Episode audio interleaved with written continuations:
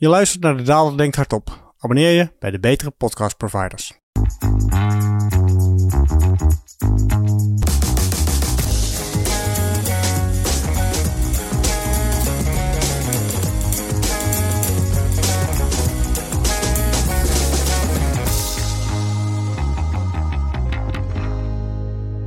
De Daalder denkt hardop en het is een speciale editie, de eerste van twee, speciaal voor deze kerst- en uh, nieuwjaarsperiode. Anders dan wat u normaal van mij gewend bent, ga ik niet in op wat er in de actualiteit is gebeurd. Wat financiële markten precies hebben laten zien de afgelopen weken. Maar ga ik juist een keertje terug in de tijd. De zogenoemde De Krant van Gisteren editie. Dus dat doe ik niet alleen deze week, maar ook volgende week. De Krant van Gisteren, dat is een rubriek die vroeger bestond bij het programma Ronflonflon met Jacques Plafond. Of eigenlijk Wim T. Schippers, die dan elke keer de krant van gisteren erbij pakte en daar een item over deed. Nou ga ik niet de krant van gisteren erbij pakken, want ik neem dit op op 15 december. En de krant van 14 december was nou niet bijzonder genoeg om daar een hele podcast aan te besteden. Nee, ik heb besloten om een, ja, een willekeurige dag te kiezen uit het verleden. Niet helemaal willekeurig trouwens, maar een willekeurig jaar uit het verleden te kiezen en daar de kranten van te behandelen. En dat doe ik allemaal met behulp van Delver. Fantastische website www.delver.nl. En Delver schrijf je met PH, dus niet met een F.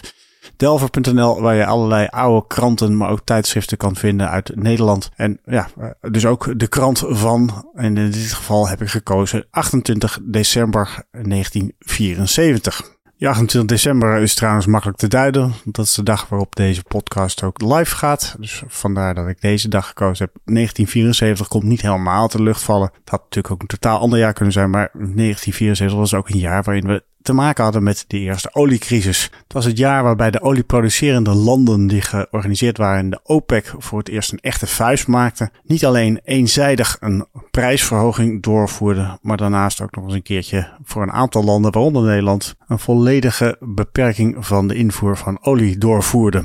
Een echte crisis werd er in 1973 nog 3,56 dollar per vat ruwe olie betaald. Aan het einde van 1974 was dat al opgelopen naar 11,16 dollar.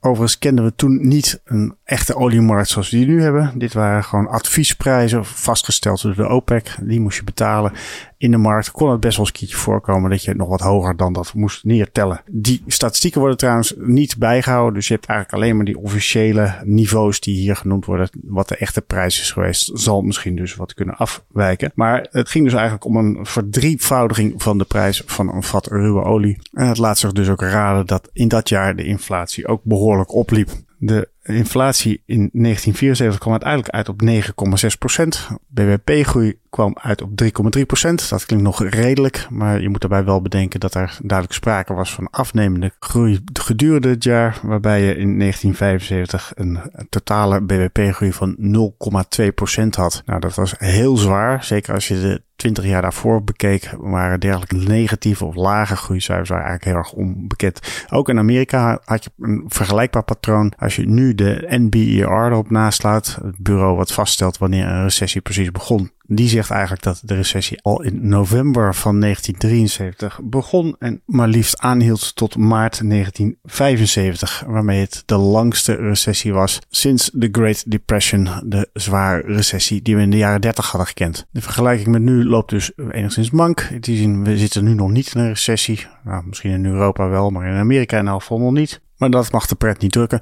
Waar ik vooral benieuwd naar ben is wat was de berichtgeving over economie en financiële markten op 28 december 1974. Ik pak daarbij de oude kranten, geef de quotes die ik interessant vind en geef daar vervolgens commentaar op. Nog even als additionele informatie. Den zat in het torentje. De staatsschuld bedroeg ongeveer 38%. Tekort op de begroting kwam uit op min 0,3%. Dus alleszins schappelijk zou ik zeggen. Terwijl de werkloosheid eigenlijk nog heel laag was. 3,3 procent. Daarmee hoop ik dat ik de scene voldoende gezet heb. Mijn naam is Lucas Daalder, Chief Investment Strategist bij BlackRock. Maar je mag me ook gewoon beleggingsstratege noemen. En u luistert naar de Daalder Denkt Hardop. Abonneer u ook vooral. Nou, voordat we op het nieuws zelf ingaan, toch ook nog wel wat opmerkelijke overeenkomsten. dan moet je gelijk bedenken aan de quote van Mark Twain: History never repeats, but it sure does rhyme, of iets van die strekking. Zo las ik in het NRC van die dag dat er een arrestatie in Moskou van een leidende dissident heeft plaatsgevonden was er enig ophef dat de burgemeester van Rotterdam, Van der Lauw, socialistische burgemeester, had gesuggereerd dat er misschien een samenwerking zou moeten komen tussen de socialisten, andere linkse partijen en de communisten. Verder werd er bekendgemaakt dat de tarieven van elektriciteit gemiddeld met 35% verhoogd zouden worden, terwijl de tarieven van gas met 25% omhoog zouden gaan. En je gelooft het niet, maar de Telegraaf wist te melden dat de minister van Verkeer en Waterstaat, Dr. Anders T. Westerterp, het aantal toegenomen vertragingen in de laatste maanden bij de spoorwegen toeschreef aan vallende blaadjes. En dit in reactie op een aantal kamervragen. Verder zag ik op de voorpagina van het AD een quote waarvan ik dacht: hey, ook toen was er onrust rond de boeren. Ik las: waar zit de boer eigenlijk mee? Maar de echte kop was: weer zit boeren eindelijk mee. En dan als laatste opmerking overeenkomst. In Amerika had president Ford, die zat op dat moment in het Witte Huis, een heel weekend overleg gehad. Welke maatregelen er genomen konden worden om de consumptie van olie te beperken. Zo, dat komt natuurlijk heel bekend voor. Wat moeten we doen om onze gas- en energieverbruik zo snel mogelijk terug te brengen, zodat niet te veel afhankelijk zijn van de nukken van het weer of van Poetin. Kijken we dan vervolgens naar de verschillen. Nou, een van de duidelijke verschillen vond ik de toonzetting in kranten. Uiteraard had je toen ook verschillen tussen de Telegraaf, AD, Parool, NRC, nou noem ze op. Maar over het algemeen vond ik de berichtgeving heel wat rustiger dan wat je nu ziet kan natuurlijk te maken hebben met de steekproef die ik genomen heb. Ik heb uh, de kranten van één dag bekeken, dus dat zegt natuurlijk niet zo heel veel. Maar de koppen waren duidelijk minder schreeuwerig dan wat je nu ziet. En wat voornamelijk ook ontbrak was de boze buurman of buurvrouw in dit geval. Iemand die verongelijkt aan het woord wordt gelaten om te melden hoe afschuwelijk het allemaal wel niet is. Uiteraard werden er sneren uitgedeeld naar Den Uyl, eh, met name van de rechterkant. Maar het had allemaal iets heel beschaafds. Een beetje rustig. Als je deze kranten zo las, had je niet het gevoel dat we midden in een recessie zaten of dat het hele moeilijke tijden waren. Er werd bijvoorbeeld gewoon een keurig overzichtje gegeven van alle producten die duurder en minder duur waren geworden. Een wit brood kostte in 1973 nog 73 cent. In 1974 was dat opgelopen naar 94 cent. Een rolletje drop, ja, je kunt hem toch moeilijk niet noemen. 13 cent in 1973 en jawel, 13 cent in 1974. En een pakje sigaretten steeg van 1 gulden 75 naar 2 gulden rond aan het einde van 74. De grootste prijsstijging lijkt eigenlijk vooral de vuilniszakken te zijn geweest. Eh, maar er waren ook producten die goedkoper werden, zoals bijvoorbeeld boter, roomboter, carbonades en biefstuk. En als we dan toch over de verschillen hebben, dan valt natuurlijk de zeer korte samenvatting van het televisieaanbod op. Je had Nederland 1, je had Nederland 2, ja, en dan had je ook nog België en Duitsland. Grappig is dat dat in Friesland was er zelfs meer ruimte ingeruimd voor de Duitse zenders dan de Nederlandse zenders. En wat me ook opviel was dat er op België rond een uur of elf een programma was dat luisterde naar de naam Travestietenshows geen flauw idee wat daar te zien was in 1974. Ze waren een tijd ver vooruit of travestiet had toch een heel andere betekenis eh, die wij inmiddels niet meer weten. Dat zou kunnen. Maar goed, op naar het nieuws. Wat waren de nieuwsitems met name voor de economen in de kranten en wat zei men over de beurs?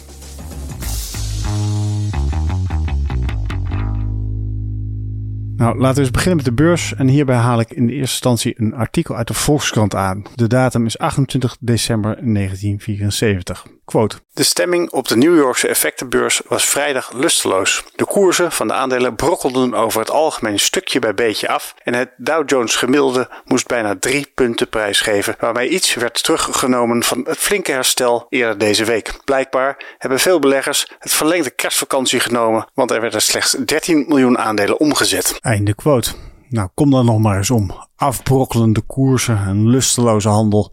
En dat bij een omzet van slechts 13 miljoen aandelen. Ik heb nog mijn best gedaan om de data te vinden van de omzetten sinds die tijd. Maar Bloomberg houdt eigenlijk alleen maar volumes bij vanaf 1993. Dus laten we zeggen de laatste 30 jaar. Nou, de gemiddelde volumes over die afgelopen 30 jaar was 150 miljoen aandelen per dag. Waarmee je dus aankijkt tegen een verelfvoudiging maar dan hou je natuurlijk niet rekening met de decemberdip. Dus beperk je je alleen tot de 28 december om een beetje een goede vergelijkingsbasis te krijgen.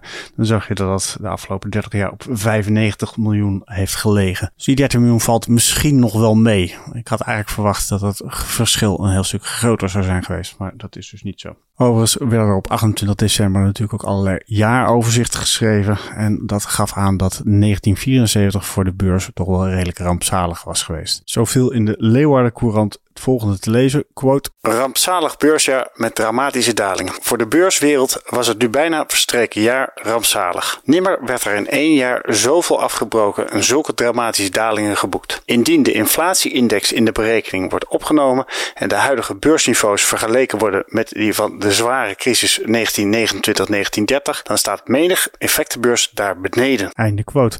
De Leeuwarden Courant was vervolgens ook zo vriendelijk om uit te leggen waar al die afbraak dan precies vandaan Als bepaalde onmisbare goederen uit het normale bestedingspakket plotseling viermaal zo duur worden en de kopers hebben er geen extra geld voor ter beschikking, dan moet er elders bezuinigd worden. Ten einde ruimte te maken voor de blijvende aankoop van de veel duurdere producten.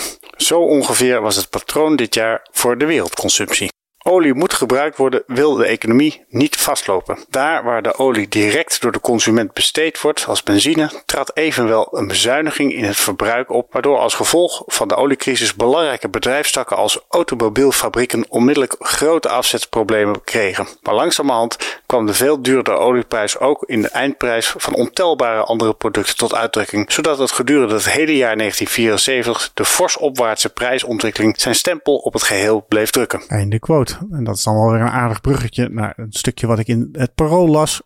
In de eerste helft van dit jaar, toen de oliecrisis de personenautosector hard trof, bleef DAF Truck goed draaien. In de laatste maanden van het jaar kreeg DAF echter moeilijkheden met de toelevering van bepaalde onderdelen. Met name kreeg DAF te weinig brandstofpompen en versnellingsbakken toegeleverd uit Engeland. Enkele honderd verder wel afgebouwde trucks staan op het ogenblik op de fabrieksterreinen op deze onderdelen te wachten. De renteverliezen die daar het gevolg van zijn, samen met enkele voor DAF ongunstige valutaverschuivingen, hebben tot gevolg gehad dat de oorspronkelijke winstverwachtingen teniet zijn gedaan. Al dus een woordvoerder van DAF in een toelichting op de minder optimistische nieuwjaarboodschap van de president van de DAF-concern, de heer MPJH van Doornen. Einde quote. History never repeats, but it sure does rhyme. Het gaat tegenwoordig niet meer om brandstofpompen en versnellingsbakken, maar we hebben natuurlijk de afgelopen twee jaar gezien dat met name de afwezigheid van bepaalde semiconductors tot dezelfde problemen hebben geleid in de auto-industrie.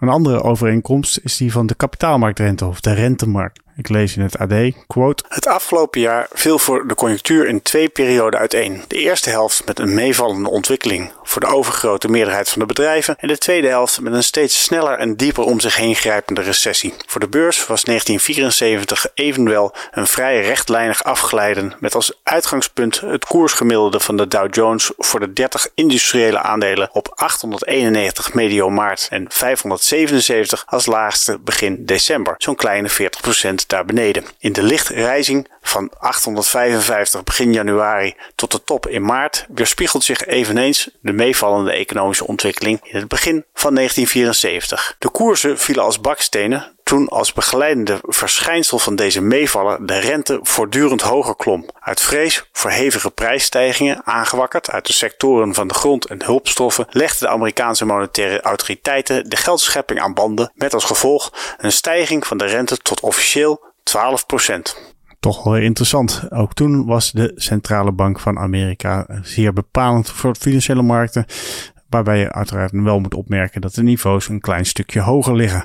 We zitten nu te kermen dat de korte rente in Amerika naar een procent of 5 getild gaat worden. Misschien wordt dat zelfs 5,1. Nou, toen de tijd hadden we dus doodleuk 12% op de borden staan. En overigens, een paar jaar later stond het nog veel hoger dan 12%. Maar misschien loop ik hiermee op de zaken vooruit. Interessant in elk geval dat de rentemarkt specifiek genoemd wordt. En als ik het artikel nog even een stukje verder lees, ook de verslaggeving rond de obligatiemarkt was ja, toch anders dan wat je nu tegenwoordig leest. Quote. De index voor de obligatiemarkt viel van 73,5 midden februari tot 64,13 als laagste in begin oktober, waarna een herstel intrad op grond van de algemene tendens van rentedaling ook in Amerika. Einde quote. Nou, dit is toch heel erg interessant. Het blijkt dat er in dat tijd gewoon sprake was van een obligatieindex. Net zoals je de Dow Jones of de S&P 500 hebt. Die heb je trouwens nog steeds, hè, die obligatieindex. Maar je leest er tegenwoordig nooit meer iets van. Het is niet zo dat je ooit nog kan lezen dat de obligatiemarkt, de brede obligatiemarkt in Amerika, gisteren met x procent gestegen of gedaald is. Totaal weggevallen uit de berichtgeving. En toen was dat kennelijk heel normaal. Overigens heb ik geen idee om welke obligatie-index het hier precies gaat. Ik heb wel data terug tot 1974, of voor 1974 van de Barclays Bloomberg Index. Dat is een brede index van Amerikaanse staatsobligaties. Die liet niet een correctie zien van 12,7%. Dus ik vermoed eigenlijk dat het hier gaat om een index die gebaseerd is op de 10-jarige staatsobligatie. Genoeg VS. Natuurlijk moeten we ook wat tijd besteden aan couleur lokaal. En daarbij val ik terug op de berichtgeving in de Telegraaf. Quote. NIA flauw gestemd. Op een vriendelijke beurs was bij verzekeringsfondsen NIA gisteren flauw gestemd op een slot van 108 gulden, min 7 gulden. Deze teruggang was opmerkelijk aangezien beleggers dinsdag al hadden kunnen reageren de ontzenuwingen van de fusiegesprekken door de besturen van Nationale Nederlanden en NIA in deze rubriek op dinsdagmorgen. Volgens een van de beursgerichten rond NIA zou, zoals eerder gemeld, Nationale Nederlanden een bod op zijn collega-verzekeraar in voorbereiding hebben. Door beide besturen werden deze geruchten naar het Rijk der Fabelen verwezen. Einde quote. Nou, dat klopt ook inderdaad. NIA is uiteindelijk pas in 1983 gefuseerd met een bedrijf wat AGO heette. En drie keer raden wat voor een bedrijf daar naar voortgekomen is. AGO en Dat werd samen Egon pas in 83.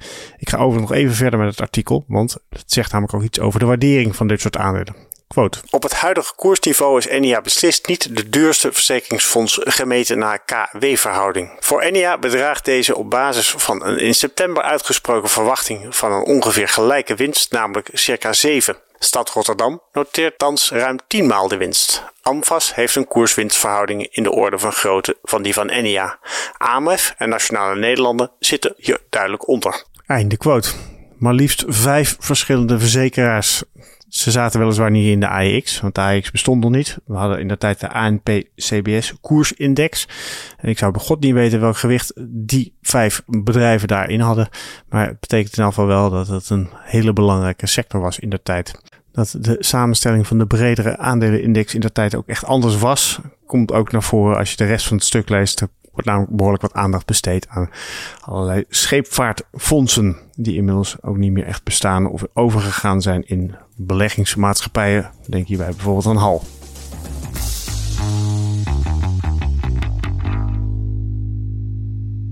Ik dacht, ik gooi er maar een muziekje in. Want als ik zo door blijf gaan, ben ik al ver boven mijn 20 minuten. En ben ik eigenlijk nog niet eens veel verder gekomen dan de beurs. Ik heb nog allerlei andere interessante tidbits die ik zou kunnen melden. Maar ik wil toch ook nog even iets over de economie zeggen. Want in de diverse kranten werd voldoende aandacht besteed aan een paar Amerikaanse macrocijfers die gepubliceerd werden. Zo waren de export- en importcijfers uit Amerika. En hierbij viel bij de Volkskrant het volgende te lezen. In de afgelopen maand is de balans van de handel tussen Amerika en de rest van de wereld doorgeslagen in het nadeel van de VS. De export kon weliswaar verder stijgen, maar het stijgingstempo bleef achter bij dat van de invoer, waardoor er een tekort ontstond van 113 miljoen dollar, terwijl over oktober nog een klein positief saldo werd gemeld van ruim 29 miljoen dollar. Einde quote. Een handelsbalanstekort van 113 miljoen dollar. Hoe schattig was dat? Tegenwoordig koop je er nog niet eens een halve machine van ASML voor, voor die prijs. En hoewel ik niet helemaal precies zeker weet naar welke data we hier kijken. Ik heb heel erg mijn best gedaan om deze handelsbalanscijfers weer boven water te krijgen via of uh, Bloomberg of Fred. altijd een goede database voor Amerikaanse data. Ze zijn niet meer te vinden. Ik heb nog wel handelscijfers kunnen vinden op kwartaalbasis, maar die van maandbasis zijn op een manier weg. Maar als we er even echt van uitgaan dat dit de handelsbalanscijfers zijn, ja, dan hadden we eerder dit jaar, in maart van dit jaar, bedroeg het tekort op de handelsbalans van Amerika. En dan hebben we het alleen over goederen, dus niet over diensten, export en import. 125 miljard. Dus meer dan een verduizendvoudiging van het tekort dat we in 1974 voor het eerst op de borden zagen komen. Oorzaak voor dat tekort was trouwens heel duidelijk olie. Ook Amerika was in dat tijd toch erg afhankelijk van import van olie buiten de eigen landsgrenzen. Dat is inmiddels omgeslagen. Inmiddels is eh, Amerika natuurlijk zelfvoorzienend op dat gebied. Maar in de tijd waren ze zeer afhankelijk van de, de import van olie.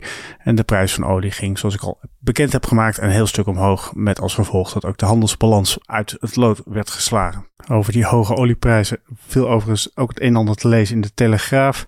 Dat met name het rondpompen van het geld toch alweer een positieve invloed zou kunnen hebben op de beurs. Latente steun werd dat genoemd. Gebruik van de term petrodollars komt zelfs langs de producerende landen waren opeens schathemeltje rijk. En dat had natuurlijk ook wel weer consequenties, al dus de Telegraaf. En ik geef daar één quote. Hun financiële mogelijkheden zijn zo ruim dat hier en daar al de vrees ontstaat dat de financiële en economische penetratie een gevaar zou kunnen gaan vormen voor de onafhankelijkheid en de economische zelfstandigheid van de landen waarop de beleggingsstroom zich richt. Einde quote. En dat is een beetje een ingewikkelde formulering om te zeggen dat de petrodollars, ja, die werden natuurlijk gebruikt om vervolgens belangen op te bouwen in westerse bedrijven. Hierbij werden Daimler-Benz, Lockheed, Krupp, maar ook IBM genoemd als potentiële kandidaten. Niet dat er dan gelijk sprake was van een overname, uh, zoals je dat uh, de heden ten dagen zou verwachten, maar gewoon het opbouwen van een belang. Het werd in elk geval wel als een soort bedreiging gezet in het artikel. Overigens, ik ben nu al over mijn tijd heen, maar ik wil nog één ding toch uh, aankaarten, omdat het wel ook relevant en interessant is. En dat gaat over goud. Hiervoor val ik terug op een stukje in het parool. Quote. De goudprijs is gisteren verder gestegen en heeft in Londen en Frankfurt nieuwe recordhoogtes bereikt. In Frankfurt werd 196 dollar 23 voor een ounce goud betaald, de hoogste ooit genoteerde prijs voor goud. In Londen werd een officiële prijs vastgesteld op 195,50 dollar per ounce, maar daarna steeg de prijs verder. Volgens de goudhandel loopt de goudprijs vooruit op de verwachte vraag van Amerikaanse particulieren naar dit metaal als in VS op 1 januari het verbod om goud te bezitten wordt opgeheven. Einde quote. Ik denk dat je puur alleen op basis van deze uitspraak al makkelijk een podcast van 20 minuten kunt vullen. Want wat ligt hier allemaal achter en wat zijn de gevolgen? Nou, ik ga er niet helemaal specifiek op in, maar het was dus lange tijd verboden voor Amerikanen om goud te bezitten. Kon per 1 januari 75 weer wel. En je zag dus in de run-up naar dat nieuwe jaar dat de goudprijs aan het stijgen was. Achteraf gezien kunnen we heel makkelijk vaststellen dat dat een heel hoog buy the rumor sell effect gehalte had.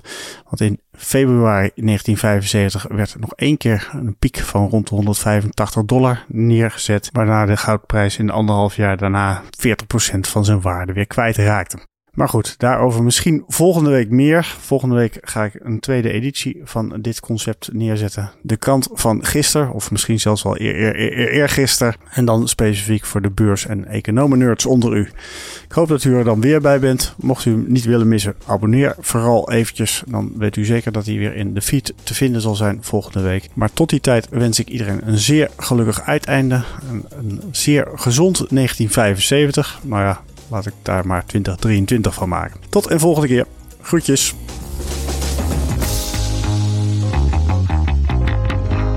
Risicowaarschuwingen. Beleggingsrisico. De waarde van beleggingen en de opgebrachte inkomsten kunnen variëren. Het is niet zeker dat u uw oorspronkelijke inleg terug ontvangt. Dit is een marketinguiting. In het verleden behaalde resultaten geven geen betrouwbare indicatie van het huidige of toekomstige rendement en dienen niet als enige criterium te worden genomen bij de selectie van een product of strategie. Veranderingen in de wisselkoersen van valuta's kunnen ertoe leiden dat de waarde van beleggingen stijgt of daalt. Deze schommelingen kunnen bijzonder sterk zijn bij een fonds dat blootstaat aan een hogere volatiliteit en de waarde van een belegging kan plotseling en zeer sterk dalen. De fiscale regelgeving waaraan beleggingen onderworpen zijn en de hoogte van de belasting kunnen in de loop der tijd wijzigen. BlackRock kan op elk moment besluiten een fonds niet langer aan te bieden. Belangrijke informatie. Deze podcast is alleen bestemd voor professionele beleggers volgens de MIFID-richtlijn. Andere personen dienen niet op de hier geboden informatie te vertrouwen.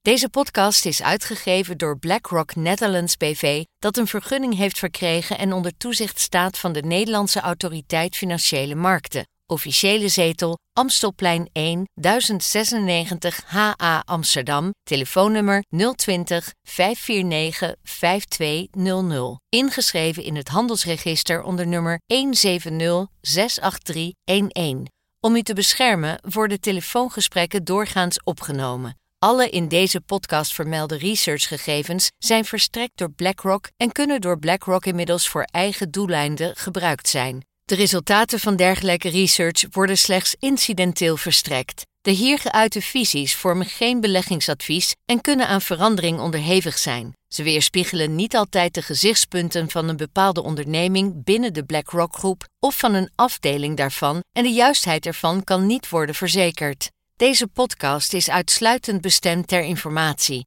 Het vormt geen aanbod of uitnodiging om te beleggen in een van de fondsen van BlackRock en is niet opgesteld in verband met een dergelijk aanbod. Copyright 2022 BlackRock Incorporated. Alle rechten voorbehouden. BlackRock is een geregistreerde handelsnaam van BlackRock Incorporated en haar dochterondernemingen in de Verenigde Staten en daarbuiten. Alle andere handelsnamen zijn van de respectievelijke eigenaren. Deze podcast mag niet worden verspreid zonder toestemming van BlackRock.